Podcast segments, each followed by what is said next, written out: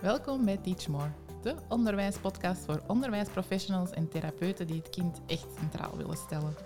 Wij zijn Gert en Carolien, twee experts in de ontwikkeling van kinderen die jullie graag inspireren met een portie ideeën, vernieuwde inzichten en theoretische achtergrond. Waardoor jij je passie voor onderwijs en kinderen weer helemaal voelt aanwakkeren en op maandagmorgen met bakken goesting uit je bed springt. Hallo en welkom bij een nieuwe aflevering. Vandaag buigen we ons over het thema schoolrijpheid. Een heel breed en ruim thema waar heel veel over te zeggen valt. Dus we gaan ons focussen op vijf tips die wij jullie willen meegeven over schoolrijpheid. Vijf tips om daar toch maar een beetje een compleet beeld te krijgen. Hè? Want als we een podcastaflevering zouden moeten maken waarin we zouden vertellen alles over schoolrijpheid, ja, dan waren we op zijn minst een uur of tien aan babbelen. Hè? Ja, en dan hebben we nooit het gevoel dat we echt de kern te pakken hadden. Dus we willen jullie graag op weg helpen met vijf tips waarvan wij denken van als je die al meeneemt in je schoolwerking, in hoe dat jij met kinderen werkt, ja, dan heb je eigenlijk al heel veel mee. Nu, vijf tips over omgaan met schoolrijpheid. Dan hoort je direct een woord schoolrijpheid. Wat is dat eigenlijk?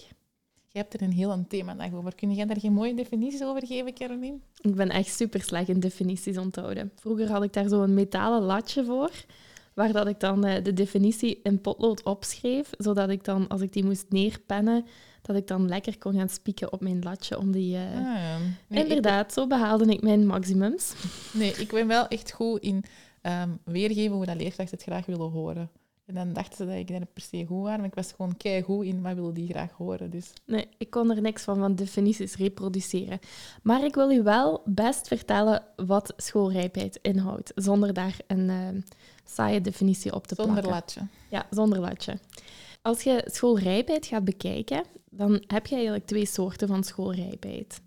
En de eerste soort is dat je op voorhand, voordat een kind naar school gaat, dus de eerste keer dat een kind naar school gaat, dat je eigenlijk gaat kijken van, ja, is dit, school wel, is dit kind wel schoolrijp? Want naar wat gaat je dan kijken? Ja, um, kan dat kindje eigenlijk al een aantal uren zonder zijn ouders of zijn opvoeders? En weet dat kind ook dat die ouders hem ook terugkomen halen, hem of haar komen terughalen? Ik vind dat wel mooi, want als je nu aan ouders of aan leerkrachten zou vragen, dan gaan die vroeger al eens zeggen ja, of dat die zindelijk is. Hè? Als je nu zo gewoon andere ouders hoort praten over dat hun kind schoolrijp zou zijn, dan gaan die zeggen van, ja, ja, ja, ik kan al uh, potjes. Hè? Ja, en dat potje, ja, ja daar valt over te, te discussiëren natuurlijk, of dat erbij hoort, wel of niet. Um, ik vind dat ook natuurlijk altijd een, een stukje van uh, waar en hoe is de, uh, de regeling van de school daarin. Want het kan natuurlijk ook niet zijn dat eigenlijk de, de kleuterleerkracht alleen maar bezig is met eigenlijk het verzorgende. Mhm. Dus daar hoort wel een ondersteuning in te zijn, maar het is eigenlijk vooral die basisveiligheid die nodig is om te zien Vind of ik een, een hele mooie, inderdaad. Het gaat over die basisveiligheid. En als ze zich veilig voelt, gaan die ook zindelijk zijn. Ja, want als een kind zich niet veilig voelt om naar school te gaan, dus als het eigenlijk bijvoorbeeld niet beseft dat zijn mama of papa of degene die hem op dat moment opvoedt of waar dat hij een veilig gevoel bij heeft, um, als het niet beseft dat hij binnen een paar uur terugkomt, ja, dan krijg je een heel onveilige situatie en dan is het kind ook niet leerbaar op dat moment. En dan heb ik het natuurlijk niet over leerbaar in de zin van dat we al op 2,5 jaar effectief uh, vaardigheden gaan aanleren, maar een kind op de kleuterschool is wel constant ook aan het leren. In ontwikkeling, hè? dus ja. je gaat niet verder ontwikkelen. Integendeel, daar gaat je heel veel regressie zien in het gedrag. Hè? Ja, dus dan wordt het nog jonger en dan duurt die zindelijkheid nog langer. En dan komt er een hele druk op dat schoolsgegeven, zelfs misschien wel een trauma over naar school gaan. En ja, dan zijn we een heel andere ja. Inderdaad. Een andere weg ingeslagen. Dus dat is enerzijds. Wat hebben we dan anderzijds nog? Anderzijds heb je eigenlijk de schoolrijpheid die er is uh, wanneer dat een kind van de kleuterklas, van groep 2 in Nederland, voor de Nederlandse luisteraars, um, naar het eerste leerjaar gaat hier in België, of dus naar groep 3 gaat in Nederland. En dan hebben we het voornamelijk over die schoolse vaardigheden die nodig zijn om te kunnen starten in het eerste leerjaar. Mm en dat is toch wel een thema waar dat, ja, een gevoelig thema, zal ik zeggen. Ja, nu, ik herinner mij zelf ook dat dat, ja, dat is wel een ding. Want als, de als je in de praktijk eigenlijk bekijkt, dan, dan is dat ook heel moeilijk voor, ja, voor daar eigenlijk een, een vinger op te leggen van wanneer is een kind nu schoolrijp of welke vaardigheden moeten wel echt aanwezig zijn, ja of nee, of waar kunnen we nog in, waar mogen we nog in groeien in dat eerste leerjaar en wat moet er al aanwezig zijn. En daar hangt toch ook wel ook een stuk paniek over, want ja, die, soms worden er ook dingen getest en er wordt dan eigenlijk een overleg rondgepland. En eigenlijk is het zo'n moment waarop dat wel wat stress ontstaat bij zowel kind, leerkracht als de ouders eigenlijk ook. Hè. Ik weet nog bij mijn kinderen, toen ze in de derde kleuterklas zaten, dat is ondertussen al eventjes geleden, maar dat dat ook echt een ding was. Want dan is het oudercontact en dan wordt er getest. Ehm, en beslist. Ja, maar wat wordt er dan beslist? Hè? Ja. ja. beslist of het, wel of, of het kind wel of niet naar het eerste leerjaar mag. En vanuit mijn praktijk vond ik ook heel vaak, als er dan zo in eind mei en begin juni zo aanmeldingen kwamen van, uh, ja, uh, het kind is nog niet schoolrijp. We hebben de boodschap gekregen dat we in de vakantie nog uh, moeten gaan bijwerken. Dan uh, was dat ook altijd heel veel frustratie. Want ja, als je dan de agenda's naast elkaar begint te leggen, dan zie je van ja, ik als therapeut ga op vakantie, maar de ouders gingen dan meestal ook nog op vakantie. Ja, en dan blijft er eigenlijk uiteindelijk niet zoveel tijd over voor dat bijwerken. Dus dat is echt wel een stressvol moment eigenlijk. Ja, en dan ja, dat bijwerken staat dan nog tussen heel grote aanhalingstekens. Mhm. Ja, ik merkte eigenlijk zelf dat als we dan een adviessessie inplannen, dus eigenlijk een, gewoon een gesprek met de ouders, waarin dat gekaderd werd wat schoolrijpheid is, welke vaardigheden dat nodig zijn en hoe dat die vaardigheden ook bekomen kunnen worden, dan uh, merkte ik dat er wel ook altijd een heel grote geruststelling kwam vanuit die ouders, omdat je werkt op heel veel verschillende manieren aan schoolrijpheid. En dat is wat we bij deze tips vandaag ook wel willen meenemen. Hè? Ja, misschien kunnen we ineens overgaan naar een van de eerste fundamenten, als we daar dan toch over starten, wat wij heel erg belangrijk vinden in die schoolrijpheid. Ja, ons eerste tip. Onze eerste tip is ga voor verbinding. Verbinding. Kinderen moeten verbinding hebben met zichzelf. Ze moeten een verbinding tussen hun hoofd hebben en tussen hun lichaam. Uh, moeten weten hoe ze dingen uh, kunnen aanpakken. Maar onderling ook, en ook met u als leerkracht. Zonder dat een kind zich veilig voelt. En ja, als we teruggaan naar, ik heb hem al een aantal keer benoemd in mijn podcast, ik kan er ook niet te buiten, maar de behoeftentheorie van Maslow. We gaan kijken naar welke dingen nodig zijn om tot ontwikkeling te komen. Hebben we eerst die basisbehoeften, hè, voldoende slapen, eten, drinken. En dan op dat tweede rijtje, hè, dat tweede niveau, als die voldaan zijn, komen we tot die zekerheid. U goed voelen, in vertrouwen voelen, veilig voelen. En als dat er niet is, dan kunnen we ook niet verder naar boven gaan, naar die andere niveaus, om tot leren te kunnen komen. Dus ik vind het nog altijd echt een fundament en een bouwsteen om eerst aan die verbinding en die veiligheid te gaan werken. Dat ze zich goed voelen, gezien voelen, gehoord voelen, dat ze zich veilig voelen om dan tot leren te kunnen komen. Ja, ik vind het ook wel echt een ding om onderaan die piramide te durven beginnen en op durven te investeren. Zeker ook tips naar ouders toe. Sensibilisering van ouders voor die basisbehoeften effectief te voldoen. Wanneer dat we gaan kijken naar slaap, mhm. dan is dat toch echt wel een ding. En slaap is nodig voor ieder wezen onder ons. En kinderen hebben nog best veel slaap nodig. En heel vaak in een vakantieperiode, we doen allemaal leuke dingen. Hè? Daar, daar hoort je mij helemaal niks van zeggen. Kinderen hebben het waarschijnlijk super fijn. Ehm, maar als de tijd helemaal wordt ingevuld met kampjes, met hobby's, met, met alles wat daarbij komt. En nogmaals, dat is heel leuk en dat is zeker ook nodig en fijn. Maar probeer daar toch een bepaald ritme nog in te houden waarin dat er wel voldoende slaap kan zijn. Ja, en als we dan even teruggaan naar die twee punten van schoolrijpheid, in dat eerste ook, als die kinderen niet geslapen hebben of nog nood hebben aan heel veel slaap en dat kan op een school niet georganiseerd worden, dan zijn die ook niet schoolrijp.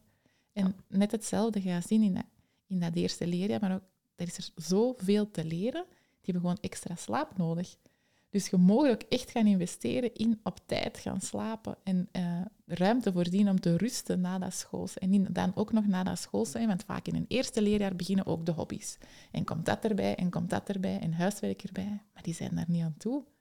Ja, en hetgeen wat ik daar ook in hoor, het, het hoeft niet altijd slaap te zijn wat ze nodig hebben, maar zo een moment van ontprikkeling. En in onze maatschappij zijn we er enorm goed in geworden voor onszelf op ieder moment toch aan prikkels bloot te stellen. Denk bijvoorbeeld zelf eens na, um, gaat jij nog gewoon naar het toilet? Of zijt je daar eigenlijk ook altijd iets aan doen buiten dat hetgeen wat je op het toilet gaat doen? Is dat een vraag aan mij, want je weet hoe snel dat je naar het toilet gaat? nee, dat is geen vraag aan u. Het is een vraag aan onze luisteraar om even terug zelf... Ik vind het ook eigenlijk niet belangrijk hoor, wat jij op het toilet doet. ik weet al zoveel van u dat ik dat echt niet hoef te weten. maar het was een vraag aan onze luisteraar, waar dat wij dus niet per se een antwoord op moeten hebben. Dus we hoeven ons ook geen privébericht te sturen met het antwoord. We gaan sowieso berichten krijgen. Wat je doen op toilet. Oké, sorry. Maar ik bedoel wel, onze maatschappij is erop gericht. Op welk moment zijt jij nog gewoon bijvoorbeeld aan het wachten? Als we in een wachtkamer zitten of als je uh, in een wachtrij staat, je gaat naar een pretpark, kijk eens rond u hoeveel mensen dat daar nog gewoon staan te wachten. Mm Wij vullen gewoon ieder gaatje van onze tijd op. En ja... Heb je dan het gevoel dat we efficiënt zijn ook wel, hè? Uh, ja, soms. ik moet zeggen dat ik daar soms ook wel schuldig aan ben, eigenlijk. Ja, dat is zo, dat is zo. Dus inderdaad, het gaat daar ook over, over rust gewoon. Even niets moeten. Ja, en ook daarbij wil ik aanvullen, zijt er je ook bewust van dat je zelf het voorbeeld bent. Dus als je naar het toilet gaat, als je naar bed gaat, als je staat te wachten, laat uw gsm eens voor wat het is en wacht gewoon of ga gewoon naar het toilet en wees echt aanwezig waar dat je aan het wachten bent. En het is misschien raar dat ik erop ga aanvullen, maar bij ons gaan wij heel bewust met de fiets naar school om ons hoofd leeg te maken en terug eigenlijk die verbinding met jezelf ook te doen en even niets anders. Want in een auto is het ook al heel snel dat je iets anders kunt gaan doen. Hè? En op de fiets is het echt even in beweging komen, in verbinding met je lichaam komen. En dan zeg je ook al, laat alles er maar uit onderweg. Tegen dat we thuis zijn, is ons hoofd leeg. En dat is ook echt zo een dat ik meegeef bij mijn kinderen en ook bewust benoem op sommige dagen. Want ik zie dat je hoofd vol is, trap het er maar eens allemaal uit. Ja, ook die dingen, dat lijken belachelijke, nutteloze dingen, maar je kunt wel gaan kijken van, zeker als je thuis werkt, waarom gaat je eigenlijk niet met de fiets? Mhm. Is het effectief voordeliger om snel met een auto te gaan? Of haal er gewoon veel meer uit om even zelf ook op die fiets te stappen en je hoofd leeg te maken? Ja, en dat is echt in je lichaam zakken. Hè? Ja. Ik zie dat met mijn kinderen sommige dagen dat die echt nood hebben om zo, dan komen die binnen en die lopen eigenlijk rechtstreeks door het huis, eigenlijk terug naar buiten en springen op de trampoline. Dat is echt ja, in verbinding terugkomen met zichzelf. Ja. Die connectie die ze nodig hebben. En die connectie, die willen we dus ook als eerste tip meegeven naar alle leerkrachten toe. Kom in verbinding met uw kinderen. Ja, als die kinderen in verbinding zijn met zichzelf, kunnen ze in verbinding komen met anderen en zo kunnen jullie eigenlijk tot dat leren gaan komen. Dus ja, als eerste die verbinding. Als tweede tip dan, daar hebben we eigenlijk een beetje de vraag van, ja, we kunnen het hebben over schoolrijp. Is een kind schoolrijp? Maar we kunnen ook de vraag stellen, is dat eerste leerjaar kindrijp? Want hoe we het ook draaien of keren, we hebben toch te maken met een verschuiving in de manier waarop dat kinderen functioneren. En toch blijft onze maatschappij bepaalde verwachtingen stellen die eigenlijk, waar, waar dat we van zien, van die verwachtingen zijn eigenlijk niet meer haalbaar op dit moment. Ik vraag me eigenlijk ook af, dat we het daar juist hadden over van groep 2 naar groep 3 gaan, ja. Of dat, dat in Nederland eigenlijk ook zo fel is, omdat die eigenlijk ook alles zien als basisonderwijs. Of dat daar de overgang ook zo wordt gezien. Of dat het daar misschien meer geleidelijk gaat. Want bij ons is er toch nog altijd een hele grote kloof tussen de manier waarop we in een kleuterschool werken en de manier waarop we in een lagere school werken. Ja, ik heb mij daar natuurlijk een beetje op ingelezen, omdat mhm. ik ook de themadag heb verzorgd. En het is wel zo dat eigenlijk die groepen, dus hoe dat uh, het Nederlands onderwijs de groepen heeft gemaakt en basisonderwijs zien, uh, dat dat eigenlijk die, die bedoeling wel had. Om één rechtlijnige overgang, dus niet meer van die grote overgangen en aparte, gelijk bij ons kleuterschool, lagere school te hebben. Maar in de praktijk wordt er eigenlijk hetzelfde ervaren. Dus in theorie hebben ze dat daarvoor opgesteld, de groepen en de manier waarop dat ze erin omgaan. Maar in de praktijk is het wel ook een grote overstap. Ja, want de manier waarop we gaan leren of tot leren willen komen in een kleuterschool is toch helemaal anders dan in een lagere school? Ja, heel zeker. Hè? In een kleuterschool, daar werken we heel vaak thematisch. En vanuit een beleving eigenlijk gaan we daar starten. Dus dat is eigenlijk zo een beetje incidentieel leren. Dus uh, we gaan iets aanbrengen. Bijvoorbeeld, je zet een grote bak met water in het midden van je kring. En je hebt allemaal voorwerpen erbij. En je laat de kinderen eigenlijk iets in dat water smijten. En voilà, we leren over zinken en drijven. Ik moet ineens echt terugdenken aan het momentje deze middag. Weet je nog? Ik bevrozen soep opwarmen. Nee. Nee, dat uw kom te klein was voor de soep die je ging ontdooien? Ja, mijn fysica zei al dat dat zo was. Hè. Dus ik was wel erger voorkomen. Hè. Ja, je had wel in maar je had het wel juist geleerd. dus uh, gelukkig was mijn kleutertijd heb ik uh, goed ervaren. En in mijn fysica lessen heel goed opgelet hoe het zit met massa's te verdelen en zo. Ik weet er echt niks meer van, maar wat. Um, de definitie hangt nog van achter op dat latje. Waarschijnlijk. De allerlaatste gaat er zeker nog op plakken. Ja, dus uh, incidentieel gaat je dus leren van... Uh, ik had dus ook niet kunnen voorzien. Mijn soep zou overgelopen zijn en oeps, ik zou geleerd hebben dat die blok bevroren soep inderdaad ging zinken. Ja, voilà. dus uh, zo leren kleuters. Terwijl in een eerste leerjaar, daar gaan we meer intentioneel leren. En dat wil zeggen dat we eigenlijk een programma in ons hoofd hebben uh, volgens bepaalde doelen en leertermen en dat we dat gewoon gaan aanbrengen zonder meer. Zucht. nu, dat is ook wel met een korrel zout te nemen. hè? Want ik ben er ook wel van overtuigd dat heel wat scholen en schoolwerkingen al op een andere manier proberen te werken. Zeker in een eerste leerjaar zien we dat nog vaak. Maar de vraag van, kijk eens naar uw eerste leerjaar, is dat eerste leerjaar kindrijp? Daar bedoelen we wel mee van, is die lijn, wordt die niet onderbroken. Dus wordt er eigenlijk ook nog af en toe um, incidentieel geleerd. Dus of, of gaan ze naar buiten wanneer dat je het hebt over meten en, en over licht en donker. Ik weet niet wat er allemaal besproken wordt in het eerste leerjaar exact. Maar past dat op die manier in een thema in. Ja, wat ik bijvoorbeeld ook al hoor bij scholen, is dat ze in een eerste leerjaar ook die hoekenwerking mee gaan innemen. Hè? Dus de hoeken die dat je in een kleuterschool hebt, dat ze dat ook een beetje mee gaan verwerken. En dat ze dan bijvoorbeeld in de namiddag of op vrijdag hoekenwerking gaan doen. Ja, dus dat, hoor ik inderdaad ook heel veel.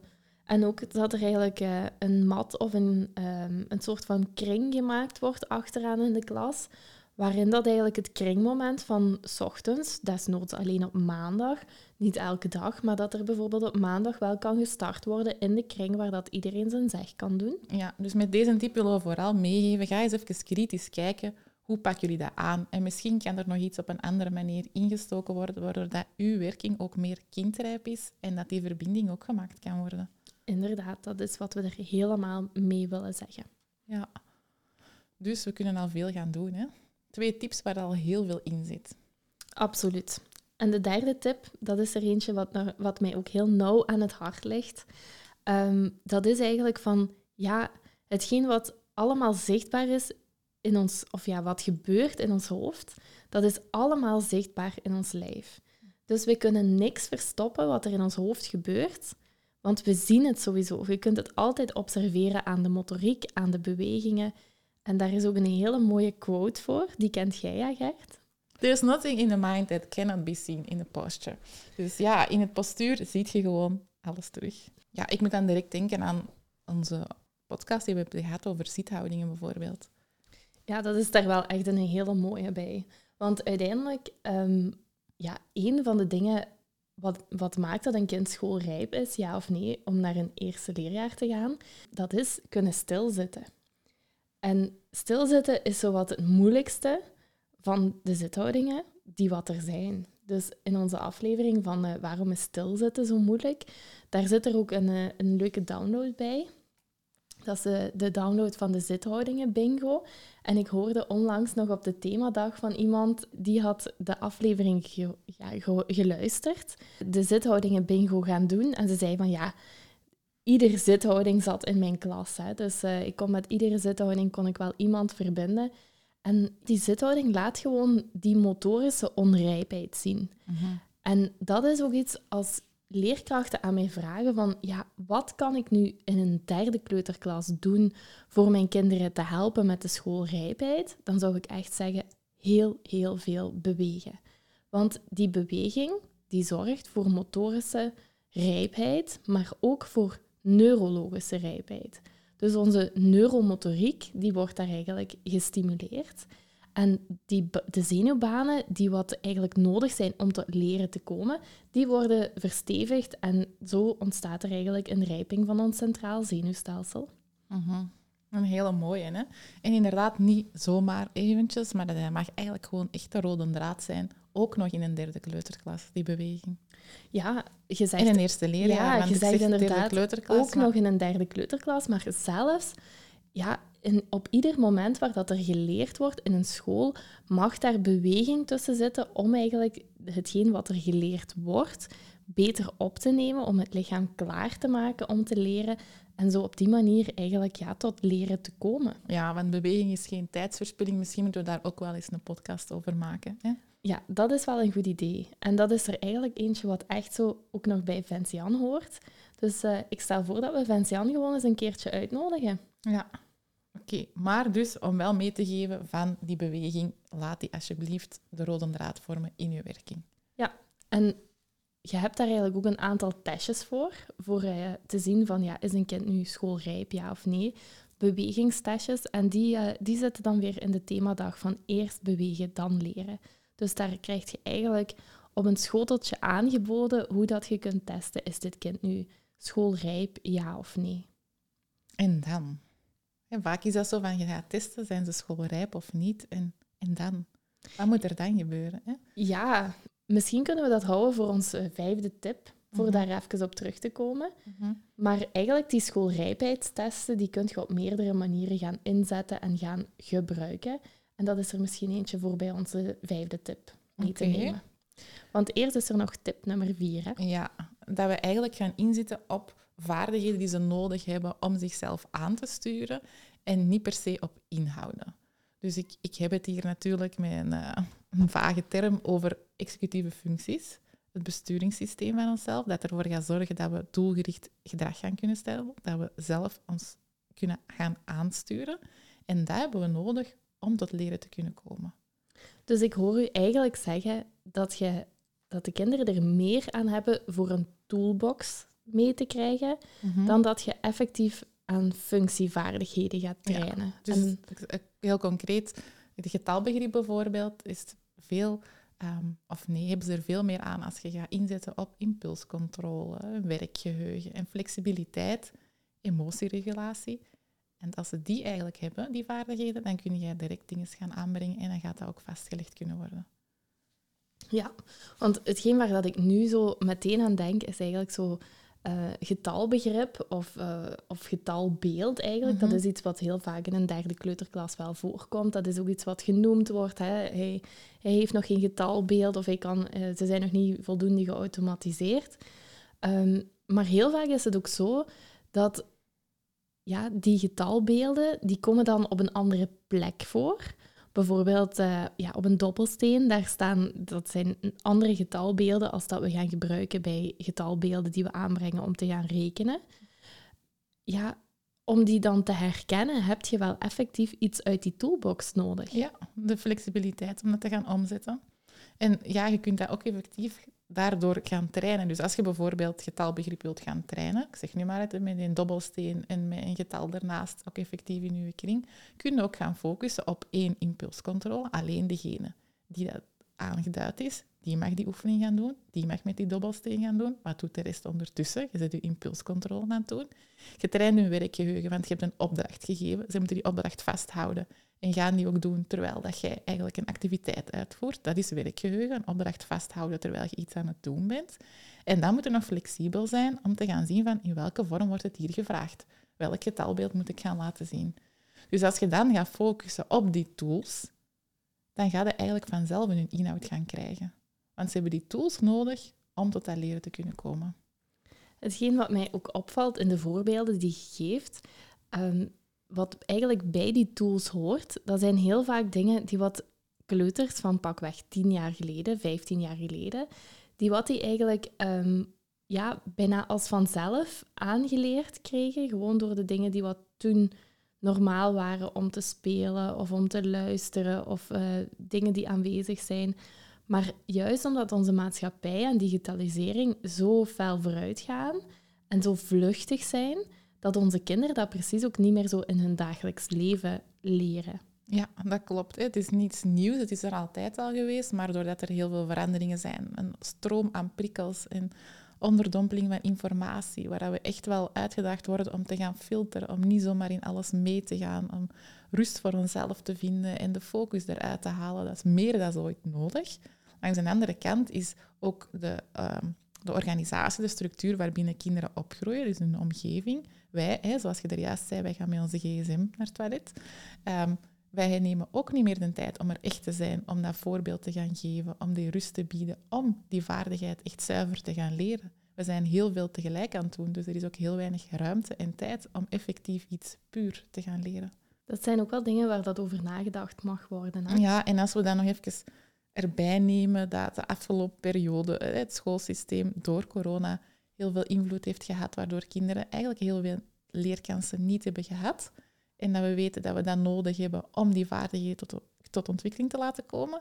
Ja, dan gaan we ook zien dat daar ook verschuivingen liggen. Dat die vaardigheden er nu nog niet zijn, die er vroeger wel al waren. Dus is het aan ons om daar iets mee te doen. Niet die kinderen. En ook als ik dan die vaardigheden, als ik u dat zo hoor vertellen, ja, daar zitten eigenlijk ook heel veel vaardigheden gewoon verstopt in eigenlijk allerlei soorten spelletjes. Maar die worden eigenlijk ook heel vaak door de digitalisering vervangen. Ja, ja, maar eigenlijk in alles, een hele dag door, bij alles wat je doet, heb je die vaardigheden nodig. Dus als je er bewust van wordt, dan kun je eigenlijk heel je klas gebeuren, heel je dagverloop op een heel andere manier gaan insteken en daar wel die focus op leggen. En daar wel, ehm, ja, als rode draad meenemen in je werking, van hoe ga je dat hier aanpakken en hoe ga je dat zeker doen, wat gaat even bij stilstaan.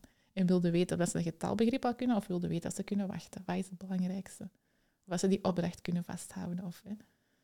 Is dit ook de vertaling die je maakt van de executieve functies wanneer dat je het hebt over de themadag? Ja, absoluut. Want eigenlijk doe je al heel veel in je klaswerking en wil ik jullie meegeven dat er zoveel al is en dat je niet het gevoel moet hebben van ik moet hier alles omgooien, ik moet hier iets helemaal nieuw gaan implementeren, maar wel gaan kijken van wat is er al allemaal, wat komen mijn kinderen mij vertellen in de klas en hoe mag ik daar mijn klaswerking op gaan aanpassen. Met de dingen die er al zijn, met meer tijd te nemen, met dingen te schrappen, kan van alles zijn. Binnenkort komen onze nieuwe datums online voor uh, de nieuwe live workshops, maar je bent ook aan het opnemen. Ja, dus, een hele uh, uitdaging, maar ja. ik denk dat het ook wel een hele fijn is om die online mee te geven, zodat je dat op je eigen tempo en op je eigen manier um, toch kunt gaan uh, eigen maken. Ja, dus binnenkort is hem ook te vinden tussen onze online workshops eigenlijk. Kunt je hem op je eigen tempo gaan, gaan ja, afwerken, eigenlijk, de themadag. Hè? Mm -hmm. Dus, uh, maar wel ook eens leuk om te horen dat het wel een uitdaging is. Ja, om jezelf te zien en een uitleg te doen en de kern ermee in te zetten. Maar het komt goed. Mist je een aantal executieve functies? Wat een gemene vraag is met dat nu weer. Ja. Oké, okay, ja, next. Weet je wat? We zullen ineens tot de volgende komen. Want daar zitten we eigenlijk met het grote probleem. Wat is onze, onze vijfde tip? Gaat eigenlijk over testing en screening.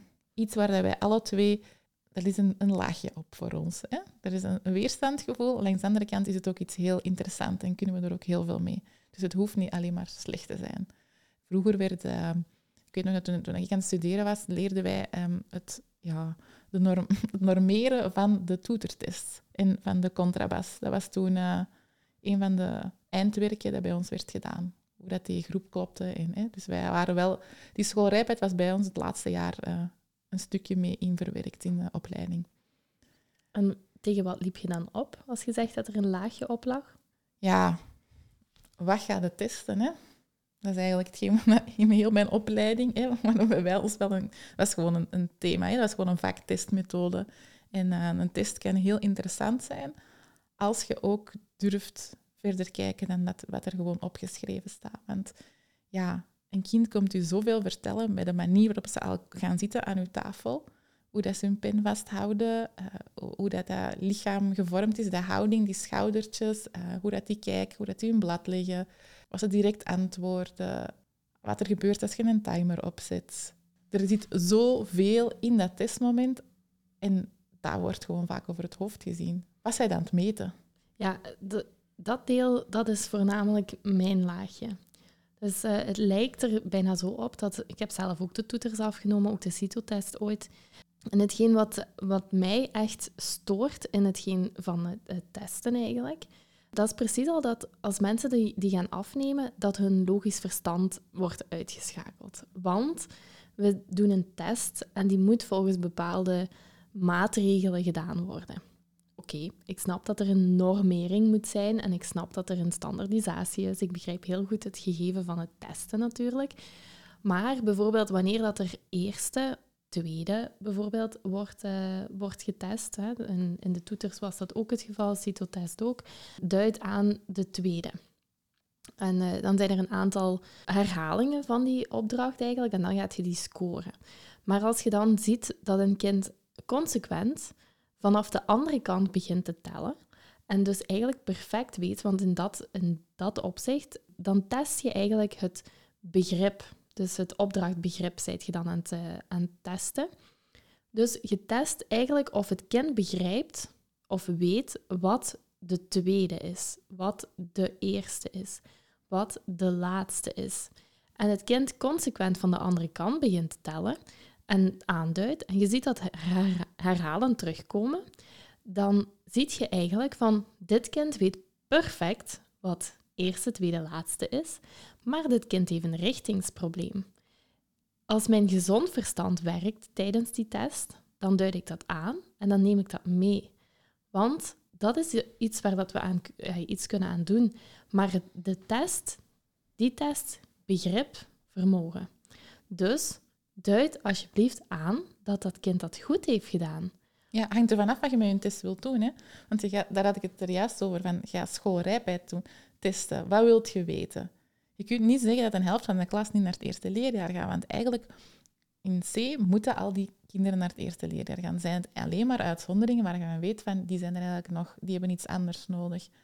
Maar je gaat eigenlijk vooral zien, wat mag ik als leerkracht in dat derde trimester en verder in dat eerste leerjaar, waar mag ik mijn focus naar verleggen? Wat hebben die kinderen nodig om weer eens te gaan doen? Ja, maar dan ligt de focus van de test anders natuurlijk. Want je kunt een schoolrijpheidtest afnemen en je gaat individueel scoren. En dan gaat je dus die scoring zien van is dit kind schoolrijp ja of nee, volgens deze test. Of je kunt eigenlijk de werkpunten eruit halen voor je klaswerking.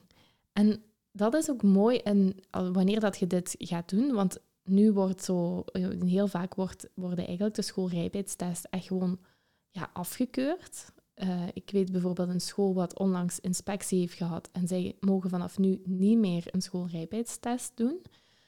Op zich, als je je alleen baseert op een schoolrijpheidstest om, een, om ja of nee tegen een kind te zeggen of die door mogen naar het eerste leerjaar ja of nee, dan snap ik dat dat geen goed gebeuren is.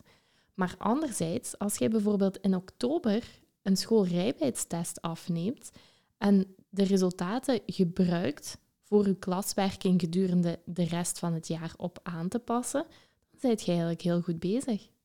Ja, want je mag het eigenlijk gewoon zien als een screeningsinstrument voor jezelf. Gewoon als een tool om te kijken welke vaardigheden zitten hier al onder, hebben ze eigenlijk al beet en welke nog niet. Dat is eigenlijk de bedoeling, hè? dat je je kinderen leert kennen. En je kunt dat even goed doen door observaties, maar als beginnend leerkracht, of als je zegt van, Goh, ik heb zo'n grote groep en ik verlies heel snel die focus, dan kun je wel gaan zeggen van, oké, ik ga mij nu deze week of de komende maand eens even kijken hoe dat met die vaardigheden zit. En dat kun je op verschillende manieren terugkomen.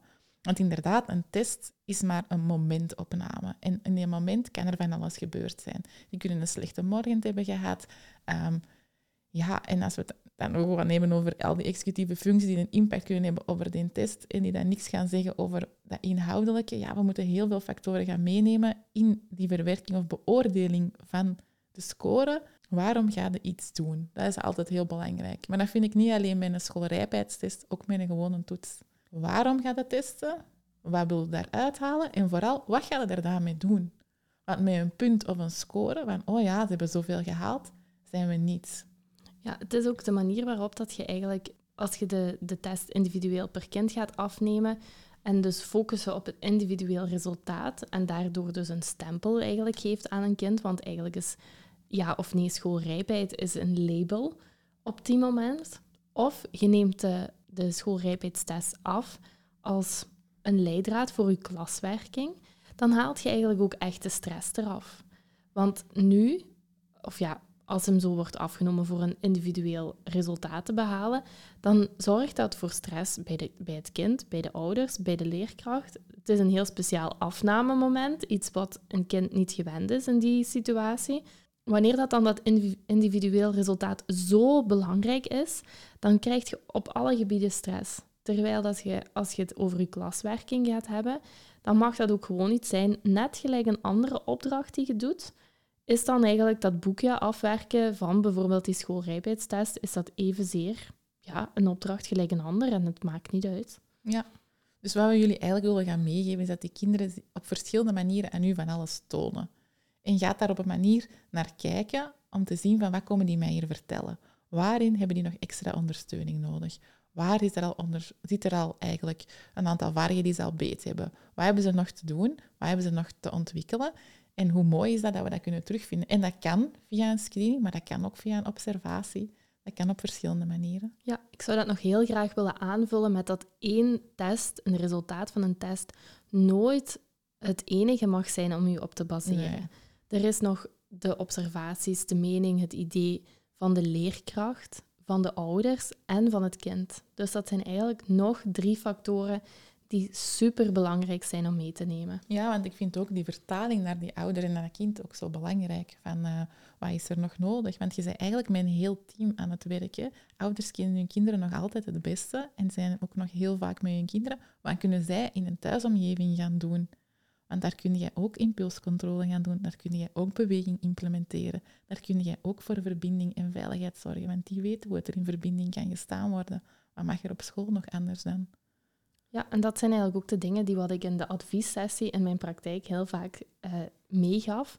Van kijk, al deze dingen zorgen ervoor dat eigenlijk vanaf mei tot september dat het kind verder ontwikkelt. En daar kunnen jullie als ouders ook heel veel in betekenen. Zelfs als jullie op vakantie zijn, zelfs als ik op vakantie ben. En dat was eigenlijk heel vaak een geruststelling. Dus ook een oproep bij deze vijf tips om eens te om na te gaan welke boodschap geef je aan de ouders en vul die boodschap ook met vertrouwen. Vertrouwen in de ontwikkeling van het kind, dat dus nog vier volle maanden eigenlijk tijd heeft om helemaal mee te ontwikkelen. En daarna natuurlijk gewoon ook verder ontwikkelt. Ja, want als je gaat kijken dat kinderen, of kinderen met vertrouwen in het eerste leerjaar staan, of kinderen niet met vertrouwen in het eerste leerjaar, ja, moet geen uh, beeld bij komen. Hè. Je weet het al direct welke kinderen er gaan kunnen leren en welke niet. Inderdaad. Dus misschien nog kort voor uh, af te sluiten onze vijf tips. Even op een rijtje. Dus eerst verbinding, onze eerste tip. De tweede tip, niet alleen uw kind moet schoolrijp zijn, maar ook uw eerste leerjaar moet kindrijp zijn.